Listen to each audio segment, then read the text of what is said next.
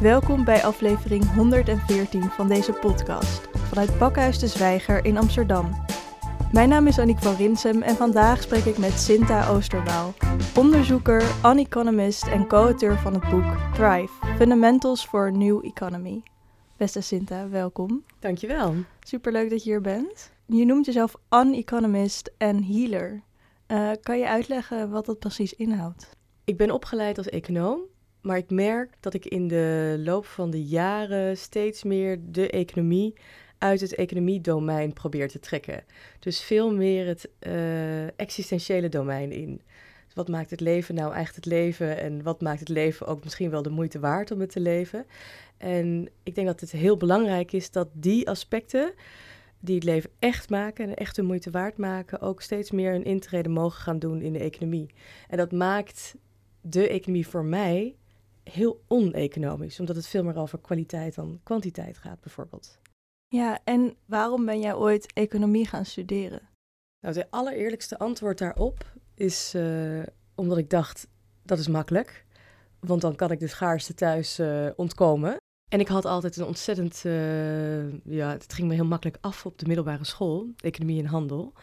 Dus ik had er wel grote interesse in. En ik dacht ook nog, ik wil graag de wereld verbeteren. En dan moet je toch iets van een mainstream, nou ja, vak is het niet, maar een mainstream domein induiken. Rechte economie of uh, Bijvoorbeeld, ja. ja. He, zo denkt een 16-jarige, want toen ging ik dus naar, eh, ik was, ik was 16 toen ik naar de hogeschool ging. Daar ben ik mee gestart. Eerst commerciële economie gedaan en daarna bedrijfskundige economie en ontwikkelingseconomie op de Vrije Universiteit.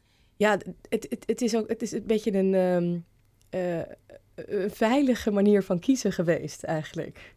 En, en ook wel dat ik erin geloofde hoor, want op dat moment um, was het nog heel wat, economie studeren. Dat, dat, daar kon je wel mee thuiskomen, laat het zo zeggen. Ja. Maar op dat moment was dat zo, maar nu niet meer? Nou, ik krijg wel eens de vraag. Ik ben natuurlijk nu ouder, dus ik krijg de vraag van mensen: Goh, mijn kinderen willen economie gaan studeren. Moeten ze dat nu wel gaan doen? Daar kan ik natuurlijk verder niks over zeggen. Maar uh, als een opleiding niet voldoende uh, alternatieve perspectieven biedt, moet ik heel eerlijk zeggen dat ik, dat ik, ik begin dan wel mijn, uh, vertrouwen, ik begin mijn vertrouwen erin te verliezen. Omdat deze tijd zoveel andere vraagstukken heeft opgeworpen. En die zie ik nu niet meer per se goed beantwoord met de traditionele wijze waarop ik, waarop ik uh, heb gehad. En is dat niet al een beetje aan het veranderen in de academie? Uh, want jij bent niet gelukkig de enige die, er, die een beetje aan de grondvesten van economie aan het schudden is. Ja, gelukkig niet. Nee, zeker niet de enige. Er gebeurt ontzettend veel. Uh, het heeft alleen nog niet uh, per se en automatisch het podium. Um, ik, ik zit er niet genoeg in om daar echt iets gedegen over te kunnen zeggen. Maar wat ik zo als buitenstaander waarneem, is dat het best ingewikkeld is om een onderwijsinstelling zoals een universiteit te veranderen. Dus om, die, uh, om het economieonderwijs te veranderen. Maar het gebeurt wel. Hè? Denk maar aan de Rethinking Economics. Er zijn vanuit studenten hele mooie initiatieven gaande om het onderwijs uh, echt aan te passen op deze tijd. En ik denk dat er bij een aantal hogescholen, zoals bijvoorbeeld de Hogeschool van Amsterdam, die heeft de Center for Economic Transformation, dat is de grootste economiefaculteit van Nederland, en die is ontzettend voortvarend in het vernieuwen van het economieonderwijs. En uh, dan is er natuurlijk wel nog de vraag, oké, welke nieuwe perspectieven zijn dan relevant en hoe gaan we die inbrengen? En het heeft niet alleen met kennis te maken, volgens mij, maar het heeft ook echt met vaardigheden te maken. Dus uh, economen, traditioneel gezien, hebben een bepaalde status. En die status bestaat bij de gratie van, um, nou eigenlijk dezelfde principes als in de academische wereld. Um, maar is dat nog steeds relevant? Ik, ik vraag het me echt af. Ik vind het zelf eigenlijk belangrijker dat de student leert om goed mens te zijn en uh, misschien wel meer zelfkennis leert uh, vergaren en reflectie, aan reflectie leert te doen, zodat je ook goede inschattingen kunt maken over uh, wie ben ik, wat wil ik doen, maar ook wat is genoeg, hè? zodat je zelf ook um, bijvoorbeeld op de manier waarop je consumeert een soort van in check kan houden. En dat is niet iets wat wij, wat we, wat we meekrijgen. Nee. In het essay De belofte van de Homo economicus, wat je schreef voor de bundel Anders Verder, Stel je de Homo economicus gelijk aan de mens die psychologisch vastloopt. Hoe zie je de Homo economicus terug in mensen die psychologisch of op persoonlijk vlak vastlopen? Ja, um, het is een essay wat ik uh, heel snel moest schrijven. En ik um, dacht, oh, dit, dit, is eigenlijk een grote droom. Ik ben zelf therapeut ook. Um, en sinds ik die twee zaken, dus de maatschappelijke vraagstukken aan de persoonlijke vraagstukken kan verbinden, is er voor mij uh, geen weg meer terug. Dus ik, voor mij zit daar een onvermijdelijke samenhang in. Um, uh, persoonlijke ontwikkeling maat, maakt maatschappelijke ontwikkeling en ook andersom. Dus ik heb eigenlijk de Homo economicus als mensbeeld genomen. En de Homo economicus is een kunstmatig mensbeeld. Uh, als nou ja, een van de pilaren van ons huidige economische systeem wordt het ingezet. Uh, maar het is wel gefragmenteerd mensbeeld. Dus het is, het is, ik, vind het heel, ik vind het echt exemplarisch voor uh, het reduceren van de mens tot bijvoorbeeld uh, iemand die calculerend is, egocentrisch is, altijd over de juiste informatie beschikt, uh, uit eigen belang uh, overwegingen maakt, die zo ontzettend niet past bij de menselijke natuur, waardoor die menselijke natuur volledig wordt onderdrukt. Ik kan het niet hard maken, maar ik vind dat een traumatiserend effect van ons economisch systeem. Is dat het de menselijke natuur zo onderdrukt. En je kunt het eigenlijk niet kwijt, vaak op je werk, uh, want dat is toch wel het grootste, de grootste expressie van ons economisch systeem, is toch wel werk. wat, je, wat je in je werk doet. En misschien ook wel privéleven, want er wordt toch de hele tijd ook geacht om dus ook in ons consumentisme keuzes te maken die dan...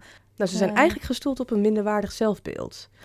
Dus alle reclames, de reclames die jij ziet en die jou aanspreken, Misschien niet jij trouwens, maar hele hoop mensen wel. Je weet niet, hè? Daar is natuurlijk veel discussie ga over gaande in de, in de hele marketingwereld.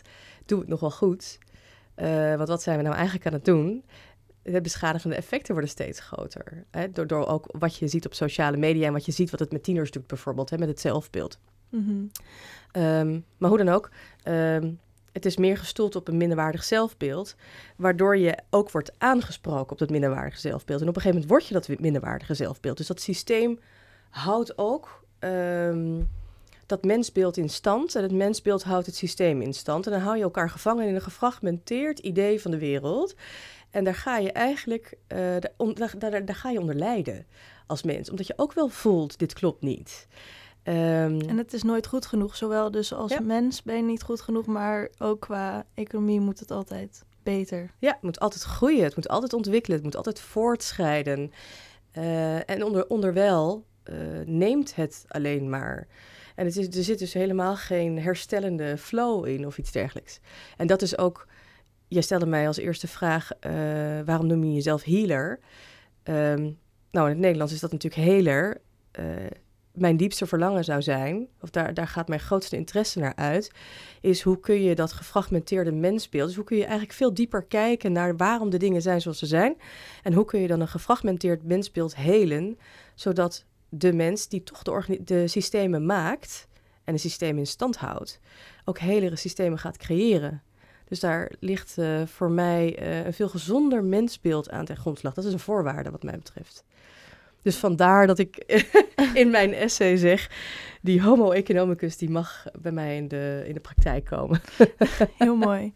Nou, je hebt al een, uh, een poging gedaan om te denken in andere systemen. Want je hebt samen met Kees Klomp een boek geschreven, Thrive Fundamentals for a New Economy, dat op 26 oktober zal verschijnen. In het boek gaan jullie op zoek naar een alternatief voor het neoliberale consumer-kapitalistische denken. Wanneer is het idee voor dit boek precies ontstaan? Niet zo heel lang geleden. Ik, eh, nou, het zal langer in ons hebben geleefd. Omdat mm -hmm. we al allebei zo ontzettend... Kijk, Kees heeft al vijf boeken geschreven hiervoor. Uh, en is natuurlijk echt de voortrekker van de betekeniseconomie in Nederland. Um, ik ben heel, op hele andere manieren over de economie gaan nadenken. Dus het, het zaadje is al veel langer geplant. Maar uh, in mei vorig jaar heeft hij mij gevraagd... zullen we samen dit boek schrijven? En het idee was toen nog Laten we een boek schrijven met tien essays, daar de essentie uitplukken, een mooi overzicht van maken. Een soort van reader samenstellen voor studenten. Maar wij raakten zo gepassioneerd erover, omdat we natuurlijk allebei ontzettend veel lezen. En er is zoveel de moeite waard om te delen met de wereld, dat het uiteindelijk heeft geleid tot 24 essays. En dat we hebben gezegd, oké, we willen dat gedachtegoed zo authentiek mogelijk houden. Dus laten we dan die mensen vragen om een eigen essay te schrijven. En wij hebben er natuurlijk ook aan gewerkt, met hen samen. Ehm, waardoor je eigenlijk een heel divers palet krijgt van perspectieven. Wat uh, hopelijk uh, ook echt hoop biedt. En, en, en, nieuwe inzichten en inspiratie biedt. Uh, waar vervolgens mensen zelf mee aan de slag kunnen om hun eigen keuzes te maken. Heel interessant. Maar nog even voordat we erop ingaan wat daaruit voortkomt, nog even terug naar dat neoliberale denken. Wat jullie eigenlijk willen bevechten met dat boek. Ja. En ook de grondslag van dat denken, waarin mensen worden gezien als individuen die losstaan van zowel elkaar als van de natuur. Zou je er ons nog even in mee willen nemen wat voor implicaties deze manier van denken heeft gehad voor onze maatschappij en misschien ook wel voor onszelf? Ja, nou de klimaatcrisis bijvoorbeeld. om maar iets kleins te noemen. Um, kijk, een van de uh, verhalen die we onszelf vertellen over dit huidige economische stelsel is dat het min of meer oké is om zijn extractieve natuur te bewaren. Dus om maar te nemen uit de natuur en dat om te zetten in geld. Um, in principe wordt ons niet gevraagd of gesteld dat we daar iets voor terug moeten doen. Dus dat we moeten herstellen. Terwijl uh, de economie is, is eigenlijk. Het is maar een setje van organisatieprincipes. Hè? Het zijn afspraken die we met elkaar maken over hoe we uh, bijvoorbeeld een maatschappij organiseren.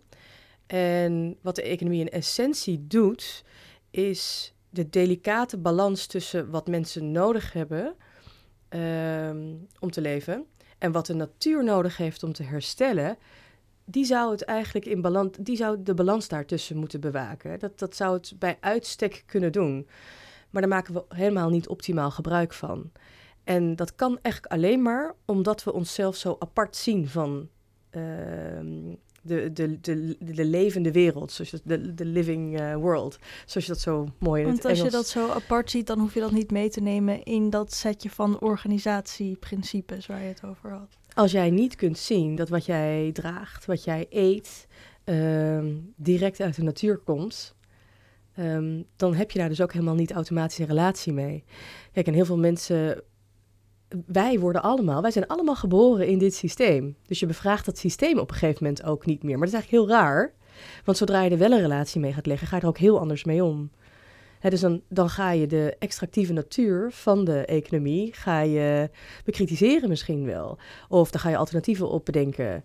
En dan zijn we nu zo ver als uh, circulaire economieën uh, optuigen dat is een strategie. Eigenlijk zou ik het veel fundamenteler willen, willen maken. Is dat wij niet. Wij, wij bestaan bij de gratie van de natuur. dus wij zouden eerder dienend moeten zijn aan de levende wereld om ons heen, die ons weer dient, uh, dan dat het andersom is en eenzijdig is. Dus um, ik denk dat veel van wat we nu zien, dus hoe we consumeren, hoe we produceren en hoe we aan biodiversiteit aan het verliezen zijn, te maken heeft met dat we niet in juiste relatie zijn met de wereld om ons heen. Ja, en hoe komt het dan dat toch dat denken zoveel legitimiteit heeft en vooral ook heel erg lang heeft gehad? Ja. Um, en wat zijn de foutieve assumpties die ja. eigenlijk gelegitimeerd werden, maar misschien ja. dus eigenlijk foutief zijn? Ja. Ja, je zei net dat wij uh, dit systeem bevechten in het boek. En we hebben eigenlijk gezocht naar een toon die niet over bevechten gaat, maar over we kunnen het achter ons laten gaat. He, want het is nodig. Mooi. Dus we, zijn een transitie aan het maken. Die transitie kun je denk ik alleen maar heel integer maken door de realisatie, een diepe realisatie. Nu is er iets anders aan de hand. Want onze uh, traditionele economie is opgetuigd onder hele andere omstandigheden dan waar we nu in leven. Of uh, toch ten minste met andere prioriteiten. En op dit moment zijn de prioriteiten veel meer existentieel. Ons, ons voortbestaan hangt ervan af. Die aarde gaat wel door. Dus het is misschien ook niet van de oude economie was altijd fout, maar meer het dient ons nu niet meer. Exact. Er zijn andere vraagstukken. En daarom betwijfel ik ook of ik mijn kinderen op dit moment, nou ze zijn nog veel te jong hoor, maar nu op dit moment een economiestudie zou aanraden. Omdat er veel, er zijn hele andere vraagstukken, waardoor je eigenlijk hele andere kennis en vaardigheden zou moeten leren. En maar terug naar jou, jouw vraag. Jij vroeg van waarom heeft dat zo stand kunnen houden? Um, Zo'n ja, iets wat conceptueel ontstaat, zoals dus de economie, wat dus nogmaals gewoon organisatieprincipes zijn, op een bepaalde manier hanteren, heeft geleid tot dat het een cultureel construct kon worden. Kapitalisme is een cultureel construct. Het is gewoon een framework waarbinnen ons leven leiden. En waarin we ook uh, onze identiteit, waaraan we onze identiteit ontlenen. Zo sterk is het. Dus het is niet meer zomaar een verhaaltje. Het is echt iets bijna religieus. Um, daarmee wil ik geen, geen, geen, geen gelovige mensen uh, beledigen. Maar het, um, het, het, het, is zo uh, sterk aanwezig als een blauwdruk in onze samenleving. Dat het heel moeilijk is, omdat we vragen net zoals hele slechte gewoonten, bijvoorbeeld roken. of, uh, I don't know, een bepaalde manier eten. Terwijl je weet dat je je levensstijl moet veranderen.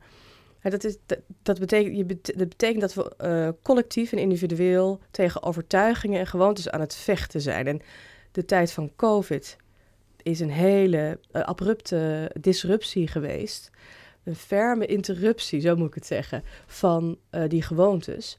Maar je ziet dat het net niet lang genoeg heeft geduurd. Of dat er net niet genoeg nieuw perspectief is gekomen om het toch anders te gaan doen. En zo hardnekkig is het dus, die gewoonte. Want alles is weer bijna back to normal.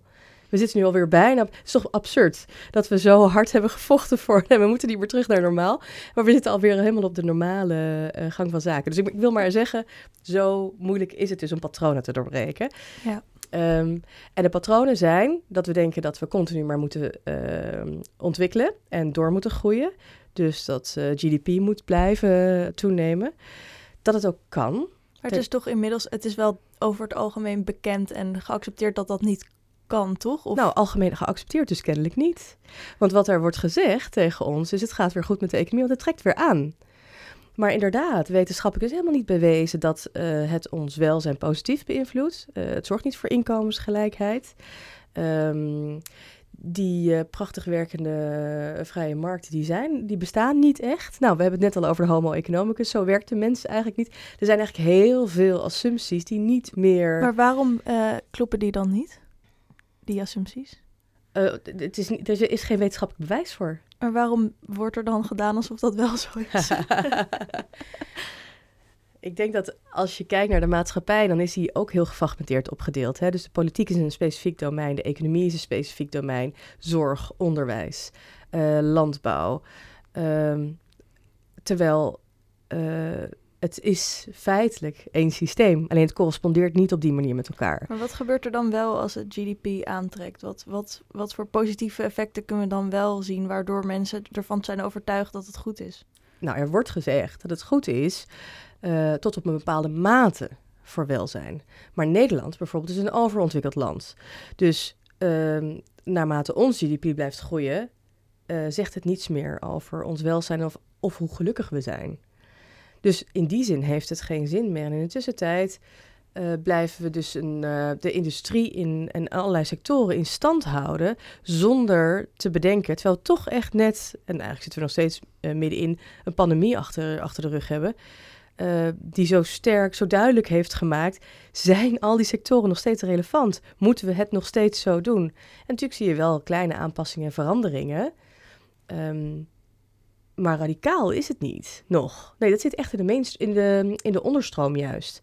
En in het transitiedenken uh, is dat ook het idee. Dus het mainstream regime um, neemt de relevantie af, terwijl de onderstroom groeit en op een gegeven moment creëert dat zo'n danige chaos dat dat een soort van van plek wisselt en dat wat in de onderstroom leeft eigenlijk mainstream gaat worden. Nou, mijn super simpele uitleg hiervan. Hè? Dus daar zitten we eigenlijk in. En hoe ziet die onderstroom eruit op dit moment? Nou, mensen zoals jij bijvoorbeeld, die zich afvragen: ja, wacht even, uh, ben ik het hier nog mee eens? Um, en waarom dan? En hoe wil ik dan mijn leven leiden? En hoe ga ik dat organiseren? En dat doe je waarschijnlijk op hele andere manieren dan dat jouw ouders of jouw uh, opa's en oma's dat hebben gedaan. Uh, dat, dus op, op heel kleinschalig individueel niveau. En dat geldt natuurlijk ook voor kleine gemeenschappen. Uh, je ziet een uh, groeiende interesse in regeneratieve landbouw. Het zijn allemaal hele kleine projectjes, maar je ziet, je ziet ze wel opkomen. andere manieren van zorg, andere manieren van samenleven, andere manieren van bouwen. Het gebeurt allemaal al. Alleen het heeft nog niet het, het hoofdpodium.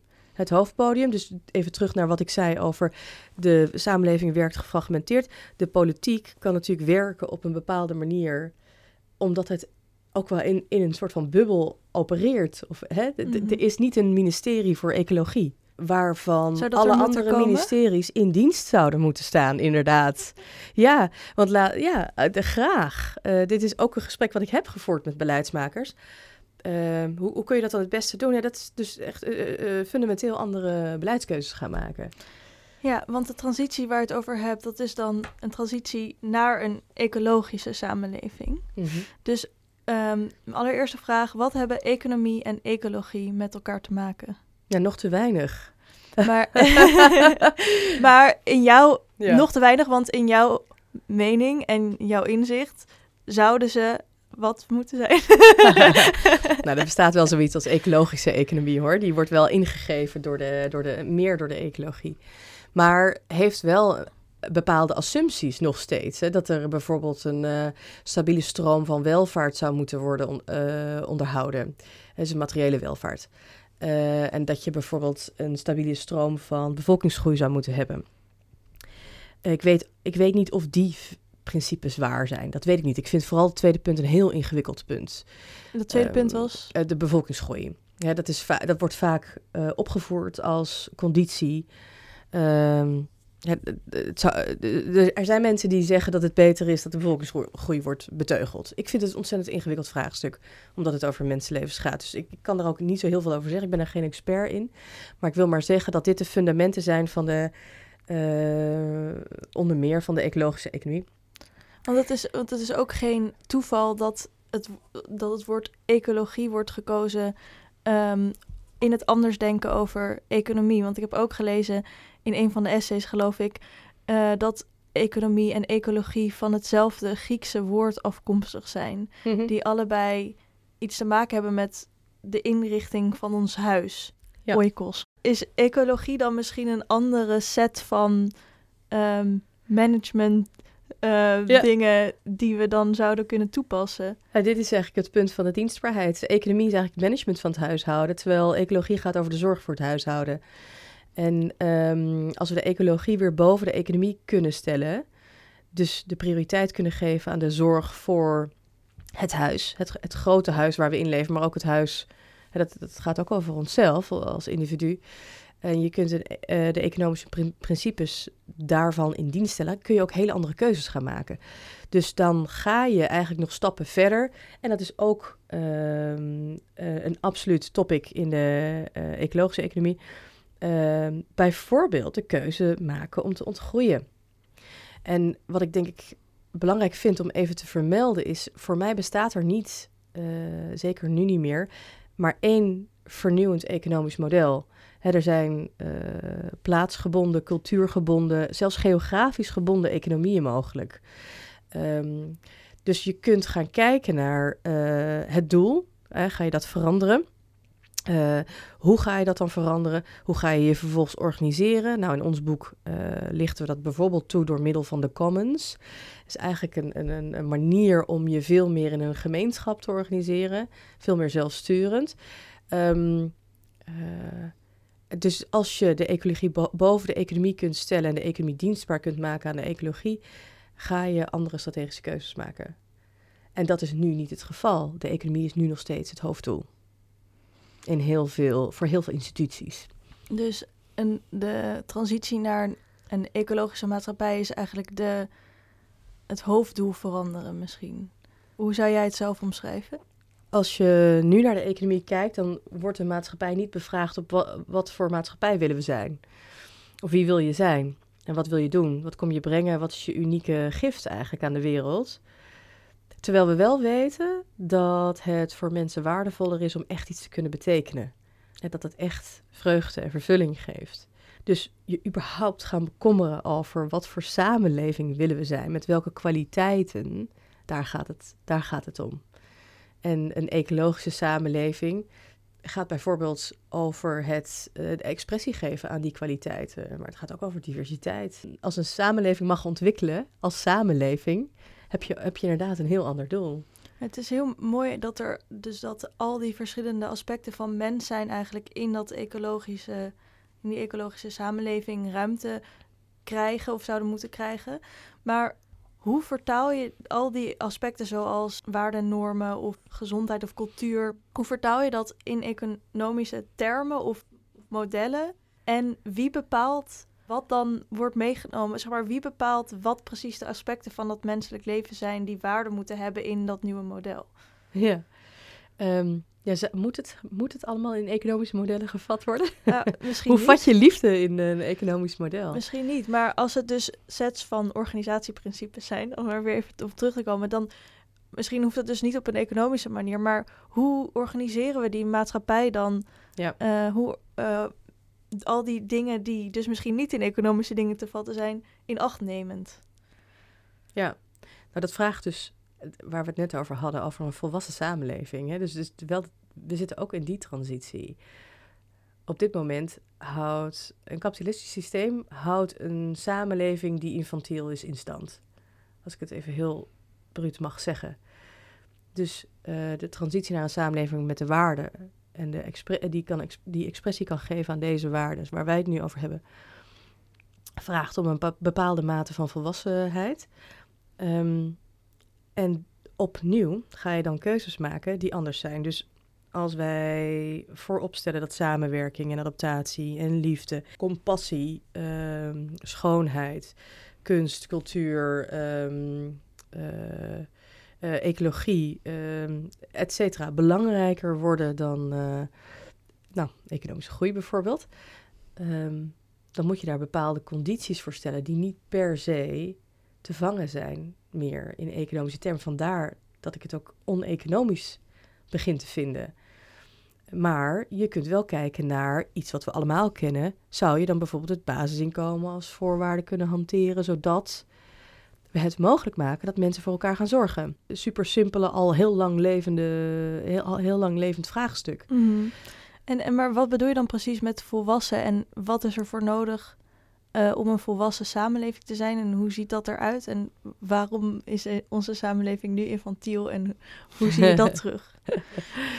Um, nou, we hadden het net al heel kort over die extractieve aard van de natuur.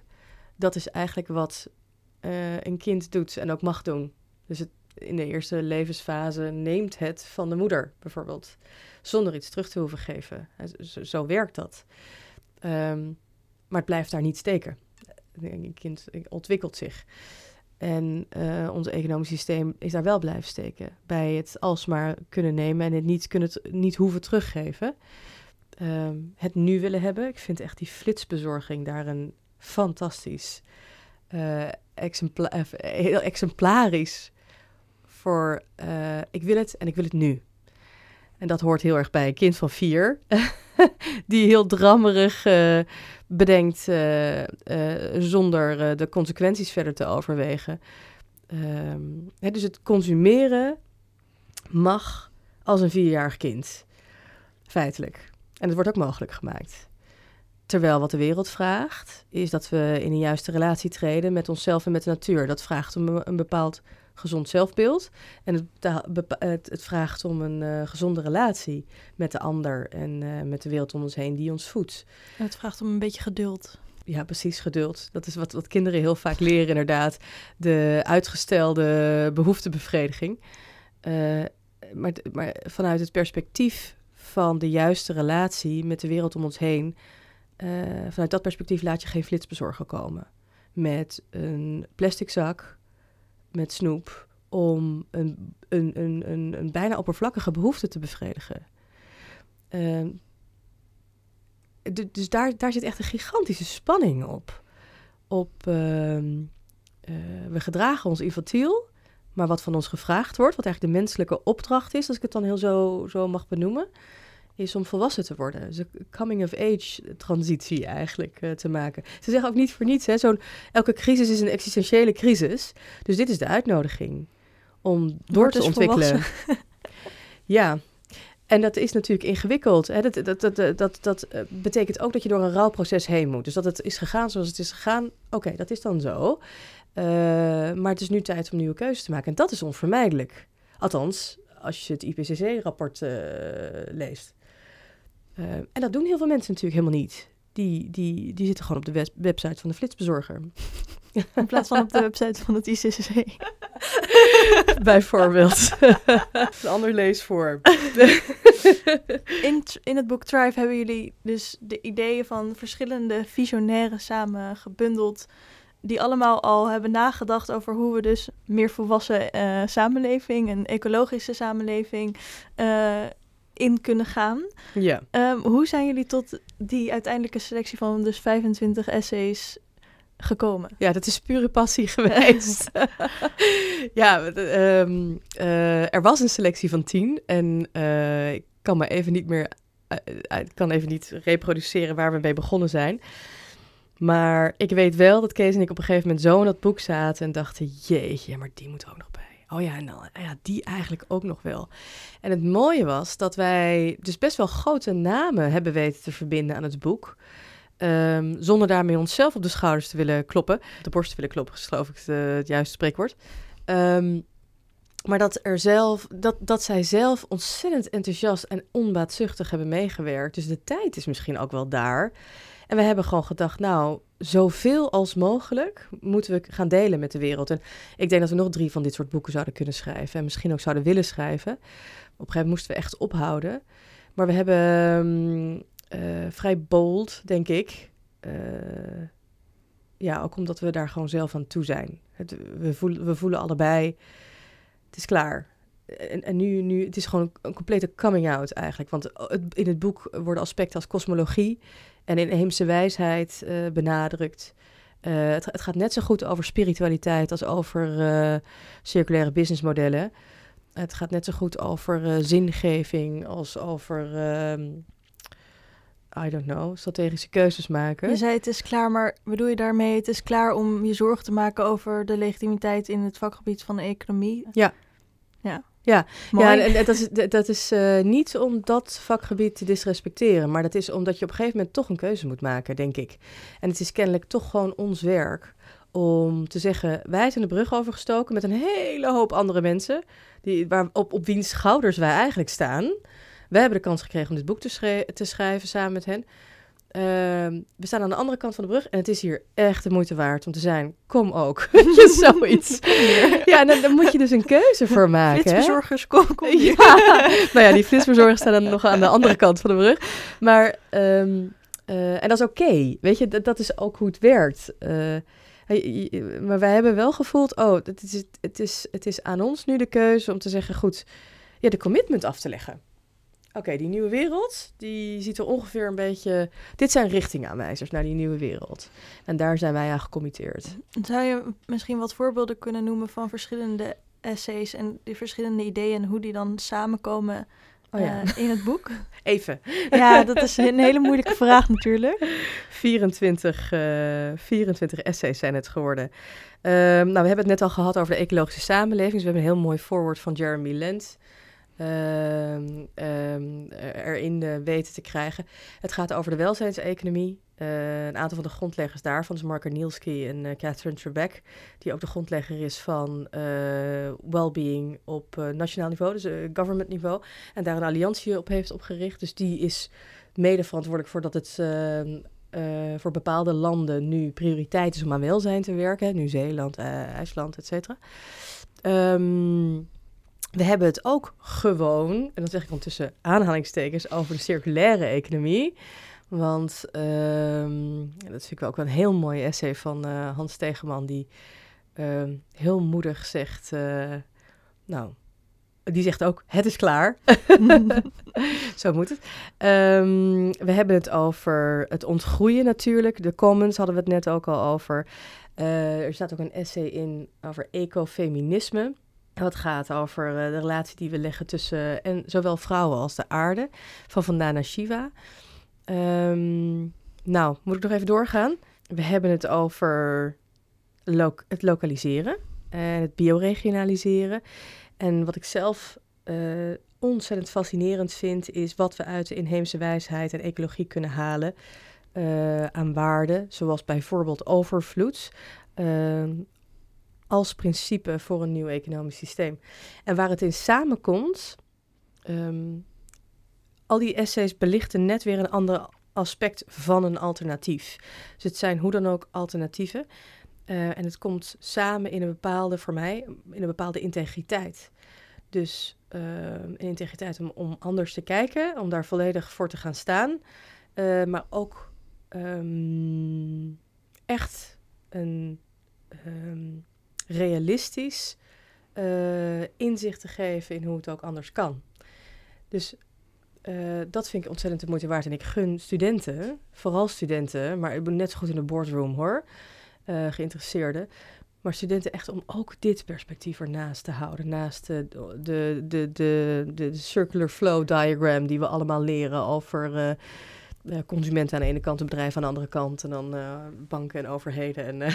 Want je zei ook dat het in eerste instantie een idee was om dit als een soort reader voor studenten. Ja. in, toen het nog in de kinderschoenen stond. Ja is het nog steeds bedoeld voor, voor studenten? Want je had het ook over dat, dat je eigenlijk betwijfelt of je, of je kinderen nog moet aanraden om uh, later economie te gaan studeren. Stel je voor dat, dat Thrive een van de, van de standaard boeken wordt die je in de economiebanken voorgeschoteld krijgt. Ja. Zouden ze dan wel economie moeten gaan studeren? Dan mag het van mij wel.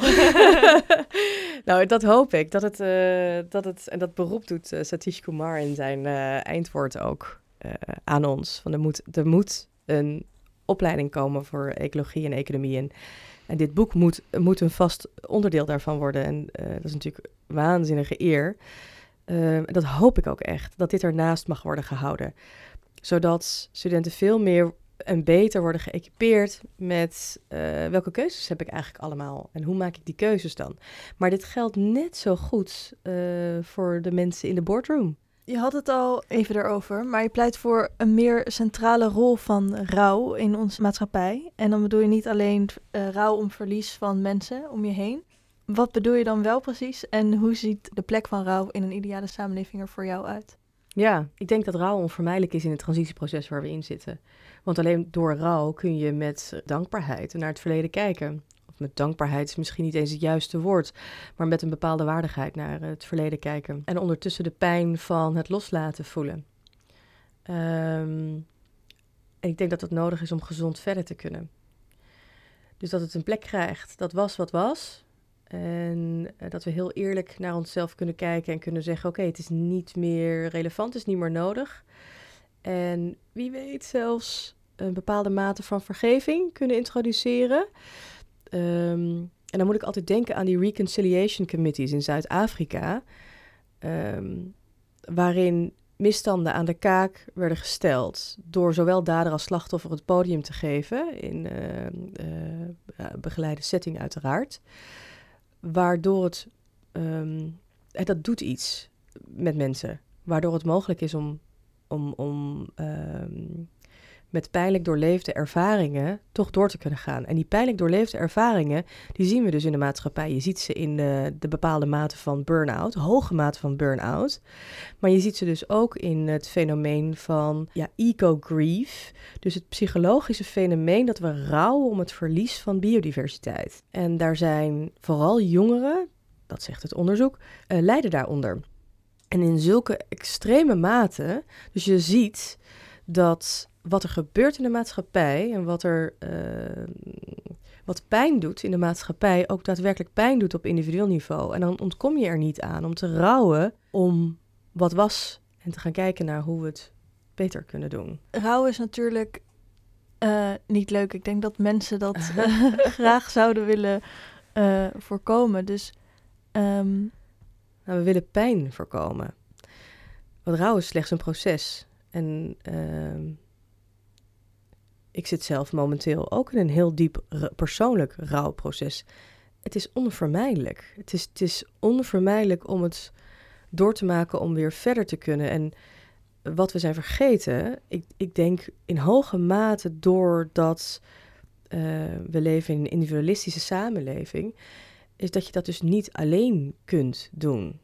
En het is heel spannend en het is extreem pijnlijk als je wel denkt dat je het alleen moet doen en het ook alleen aan het doen bent. Dan is het bijna onmogelijk. Dus als je merkt, en dat vertaalt zich in een economisch principe, kom er zo op. Als je merkt dat je wordt gedragen door, een, ehm, door je netwerk, door je vrienden, door je familie, door je buren, uh, uh, dus door, door een gemeenschap om jou heen, dan is rouw min of meer te dragen. Is het nog steeds diep pijnlijk, maar is het min of meer te dragen? It gets you through the day of zo, dat je de support hebt. En uh, het essay in ons boek, wat bijvoorbeeld gaat over degrowth of wat bijvoorbeeld gaat over de commons, uh, vertaalt dit naar een economisch principe. Is dat we dus als samenleving of als gemeenschap onszelf kunnen organiseren om die transitie te maken en veel uh, betere keuzes te maken. Dus het heeft heel erg veel zin om, en we hebben het nu over rouw en Joanna Macy is iemand aan wie zowel Kees als ik uh, heel vaak refereren. Zij heeft uh, het principe van active hope geïntroduceerd. En zegt, wat ons te doen staat op dit moment, is dat we als hospice optreden voor het oude. Dus het langzaam laten afsterven met de juiste begeleiding. Uh, en vroedvrouw zijn voor het nieuwe. En dat vind ik zo'n ontzettend mooi concept, zo'n ontzettend mooi idee. Um, en de brug daartussen is dus dat je ook mag rouwen en mag vergeven. En mag uh, vooruitkijken naar de geboorte van iets nieuws. En daar actief een onderdeel van mag uitmaken. Mooi. Het denken over een nieuwe economie of een nieuwe maatschappij gaat ook over vragen over agency. Ja. Dus ik vroeg me af, hoe ziet agency eruit in het veld van economie? Ja, um, nou allereerst uh, gaat dat wat mij betreft over het opnieuw vrijzetten van het denken. Dus wat willen we echt belangrijk maken en hoe willen we de economische principes als organiserende principes in de samenleving aanwenden om dat mogelijk te maken. Um, en dat betekent dus dat we opnieuw moeten gaan bepalen wat willen we eigenlijk als samenleving. Wil je inderdaad die economische groei blijven najagen of ga je voor de bevordering van algemene welzijn? En jij stelde net de vraag, we hebben nog helemaal niet beantwoord wie bepaalt dan wat een goed leven is. Um, wordt door economen best wel vaak gerefereerd aan uh, die studie die een um, palliatief verpleegkundige heeft gedaan uh, in de begeleiding van stervenden.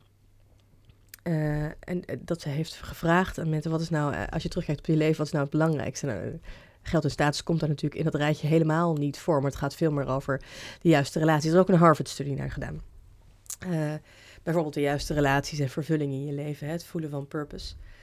Um, dus als je dat soort zaken dan belangrijker wil maken in het leven en goed doorvoeld belangrijk wil maken, dat, dat, is, dat is essentieel. Ja, en dan even terug naar dus de homo economicus. Want um, voor jou is de homo economicus ook niet uh, rationeel, maar relationeel. Nou, dat is de transitie die je homo economicus ja. mag maken. Ja, precies. Um, als ik kijk naar de samenleving, dan, dan uh, vind ik het madness dat dit mensbeeld wordt gehanteerd. Het is ook maar, nou ja, waar, waar we het al eerder over hadden, het is ook maar een kunstmatig mensbeeld. Want wat ik zie, is dat mensen uiterst betrokken zijn en uiterst betrokken willen zijn. En uh, in het boek uh, uh, ja, benoem ik ook wie ik daarvan een voorbeeld vind. Dus ik zie de mens veel meer in transitie naar, in, plaats van op zichzelf gericht, naar relationeel. Dus in relatie met zichzelf, met de anderen en met de natuur. Hoe verhoudt zich dit tot een democratische benadering van de economie? Ja, eh, dat heb ik van Jason Hickel, antropoloog, ook economisch denker. Als je mensen zelf gaat vragen wat ze belangrijk vinden, uh, dan krijg je hele andere antwoorden dan wanneer je het beleidsmakers. Beleidsmakers zijn natuurlijk ook mensen. maar in het kader van, van het beleid maken ja, zijn ze toch anders mens. Uh, hè, of, of, of dan zijn ze weer gefragmenteerd mens misschien. Nou, dat is wel. Het is dus wel als je het fenomenologisch bekijkt, natuurlijk waanzinnig interessant. Zodra jij de deuren binnenstapt van de instantie waar jij werkt, of dat nou een bedrijf is of een overheidsorganisatie of een onderwijsinstelling, maakt eigenlijk helemaal niet uit. Dan neem je toch de cultuur van dat bedrijf of de formele en informele regels, neem je toch tot je als een identiteit. Je wordt een product van die omgeving. Het is toch maf, hè, wat dat doet met ons als uh, voor onszelf denkende mens. Dus ik zou dat zoveel als mogelijk willen behouden dat mensen voor zichzelf kunnen nadenken en dat er ook een platform bestaat waarin je daar expressie aan kunt geven. Dus dat, dat, is, dat, dat is het democratiseren. En het gaat in de essentie over het dekolonialiseren van ons economisch denken, zodat het echt in dienst komt te staan van de ontwikkeling van de maatschappij, maar ook de ontwikkeling van ehm, dat hele werkveld of het hele domein. Waarom is het interessant om naar Costa Rica te kijken als we willen nadenken over hoe we anders met onze e-, economie kunnen omgaan? Omdat zij uh, welzijn van mens en natuur uh, tot prioriteit hebben gemaakt. Dus voor, uh, in Costa Rica is het belangrijker dat de biodiversiteit floreert. En daarmee zie je dus dat ze een bepaalde keuze hebben gemaakt die fundamenteel is. Hetgene wat wij nu aan het bespreken zijn met elkaar, die fundamenteel is om überhaupt economisch actief te kunnen zijn. Um, om te zorgen voor die biodiversiteit. En ook daar de lokale bevolking heel nauw bij te betrekken. En als we dan uh, van Costa Rica naar de bomen gaan, ja. Uh, wat hebben we dan te leren van de economie van bomen? Een leuke parallel trouwens, want uh, Costa Rica stond bekend om de bomenkap. En nou. dat is juist hetgene wat, wat, wat een van de herstellende maatregelen is geweest. Wat we kunnen leren van de economie van de bomen, dus dat is jouw vraag. Hè? Nou, we kunnen ontzettend veel leren nu over... Uh... Misschien even Hoezo hebben bomen een economie? Ja, ja. Nou, dat is maar weer een manier om inderdaad erover te praten dat er een bepaalde uitwisseling is. Want daar, uh, Suzanne Simard heeft daar uh, heel mooi onderzoek naar, naar gedaan. In de jaren zeventig werd ze verguisd door uh, vooral mannelijke collega's. Zij heeft ontdekt wat wij nu het Wood Wide Web noemen. Dus dat door schimmels en wortels een heel bos, maar eigenlijk de hele wereld aan elkaar verbonden is. Natuurlijk belachelijk interessant. Want wij willen dat nog wel eens in twijfel trekken. Ja, iedereen en alles is verbonden. En dat het blijft een beetje zo'n esoterisch uh, principe. Maar eigenlijk is het feitelijk heel aards. Werkt het zo? Hè? En de bomen laten ons dat zien. Dus dat is al één. En er werd heel lang aangenomen dat er een bepaalde competitie was in uh, dat netwerk. Uh, tussen de bomen. Uh, zij heeft nieuwe ontdekkingen gedaan dat dat dus niet zo is. Maar dat het anders werkt. Dus haar nieuwste boek, gaat, dat heet Finding the Mother Tree um, gaat over um, een aantal bomen die dus moederlijke aspecten hebben en zorgen voor andere, kleinere, kwetsbare bomen. Um, en dat er daadwerkelijk een bepaalde gelijkwaardigere uitwisseling tussen plaatsvindt dan dat wij in de eerste instantie dachten. Dat het eerder gestoeld is op zorg voor elkaar, voor een heel netwerk, dan op individualiteit.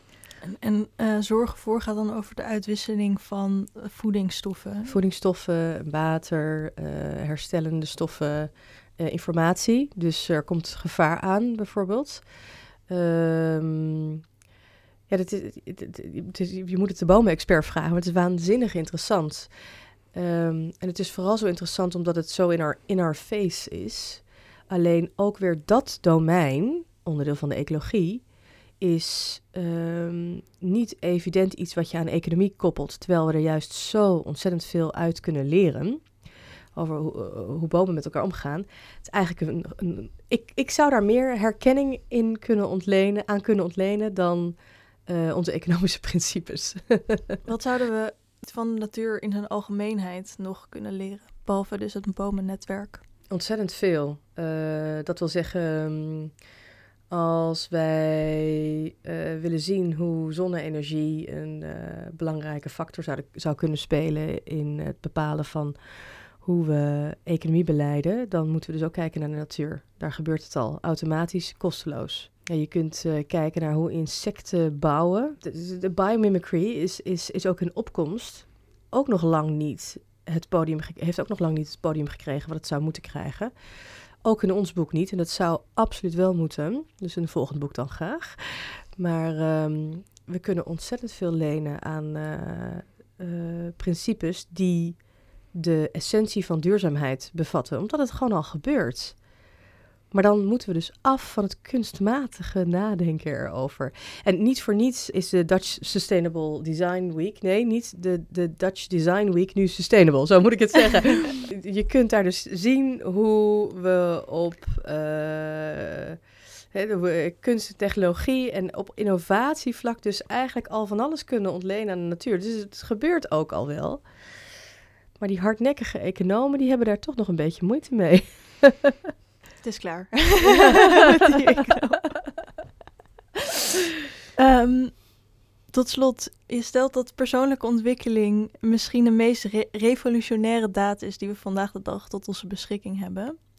Het klinkt ergens weer heel individualistisch en een neoliberaal. Dus leg eens uit wat je ermee bedoelt. Ah, ja, dan zou je het vertalen als persoonlijke verrijking of zo. Ja, materiële verrijking.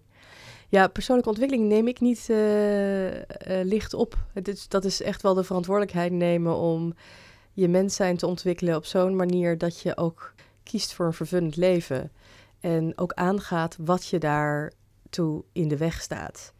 Ehm, Misschien ook de verantwoordelijkheden juist die je dan hebt naar anderen en omgeving. Ja, het maakt dat jij, als je dat doet, is in ieder geval mijn ervaring, uh, uh, ga je je plek innemen in een groter ecosysteem. En we hebben het heel vaak over ecosystemen. Hè? Van alles is een ecosysteem. Dus uh, een bedrijf is een ecosysteem en, en, en, en, en uh, een land is een ecosysteem. Um, maar de mens heeft daar natuurlijk een bepaalde rol in te vervullen. En ik denk dat die rol niet te onderschatten is. En die gaat inderdaad ook over verantwoordelijkheid. Maar dat, is niet alleen maar, dat hoeft niet alleen maar heel zwaar te zijn. Hè? Dat, dat, dat, nogmaals, het kan echt heel vervullend zijn. Om te weten, ja, wacht even, ik heb een plek en ik heb bestaansrecht. En, ik, mijn leven heeft zin. Niet alleen maar voor mezelf, maar juist ook voor anderen en de wereld om me heen. Ik kan, ik kan um, op de meest authentieke manier dus een, een purpose vervullen. En waarom heeft dat zin in het economisch denken? Is dat we dus opnieuw ons uh, uh, anders tot een systeem gaan verhouden. Dus je kunt nu participeren in het economische systeem, systeem zoals het is, uh, zonder dat je daar per se je, je rol inneemt. Dus je kunt nemen zonder dat je daar iets voor teruggeeft.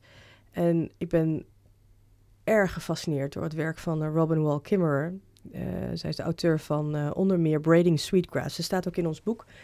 En zij heeft het over de right harvest, als ik het goed heb.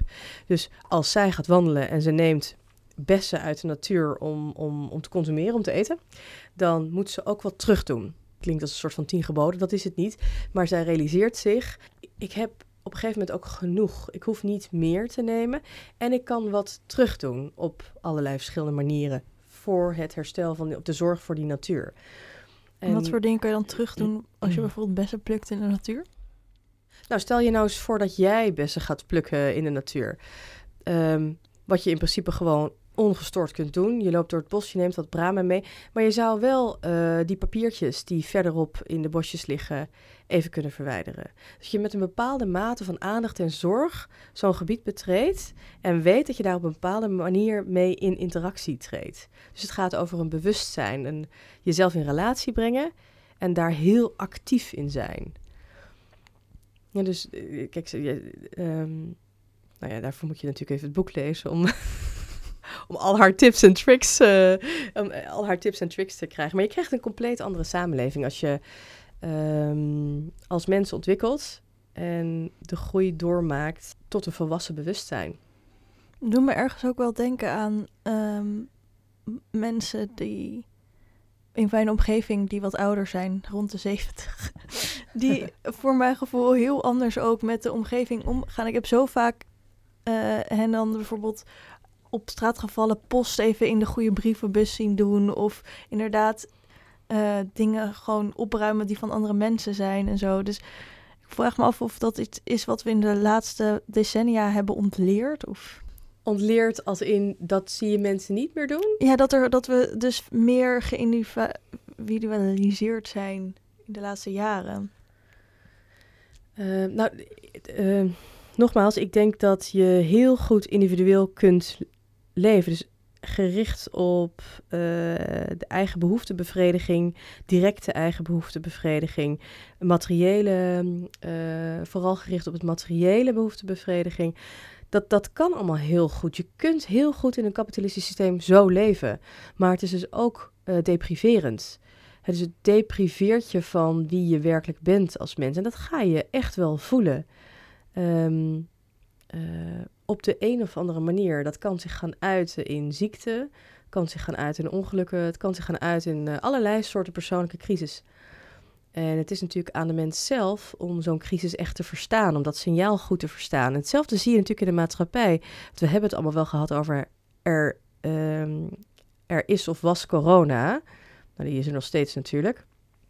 Uh, maar hebben we de signalen daarvan wel goed verstaan en zijn we dan vervolgens ehm, op de juiste manier uh, aan het ageren? En eigenlijk wat je ziet is dat we een reactie afgeven. En een reactie is niet hetzelfde als een respons. Een reactie is veel meer gestoeld op verleden, wat we kennen. Terwijl uh, je een respons uh, zou kunnen zien als iets van een signaal horen, juist niet direct reageren, maar kijken wat een opkomende, een emergent future, zoals Otto Scharmer dat zo mooi zegt, uh, van ons vraagt. En wat er dan in het, in het hier en nu nodig is om uh, te innoveren in technologie, en, maar ook in beleidskeuzes en in levenskeuzes om te maken. Dat zijn twee compleet verschillende vertrekpunten. En wat je ziet is dat de maatregelen vooral voortkomen uit um, het verleden en het willen controleren. En dat zie je ook altijd in, in economische reform. Dus ga je binnen een bepaald narratief cosmetische ingrepen doen. Uh, terwijl de toekomst die aan het opdoemen is, iets heel erg anders vraagt. Heel veel dank, Sinta Oosterwel. Jij bedankt. Beste luisteraars, dit was aflevering 114 van de podcastserie van Pakhuis de Zwijger. Wil je meer weten? Kom of kijk dan op 26 oktober om 8 uur naar Tribe Book Presentation. Fundamentals for a New Economy in Pakhuis de Zwijger of via dezwijger.nl slash live. Een rating achterlaten of je abonneren op deze podcast kan via Soundcloud, Spotify, Apple Podcasts of een ander podcastplatform. Dank voor het luisteren en tot de volgende keer.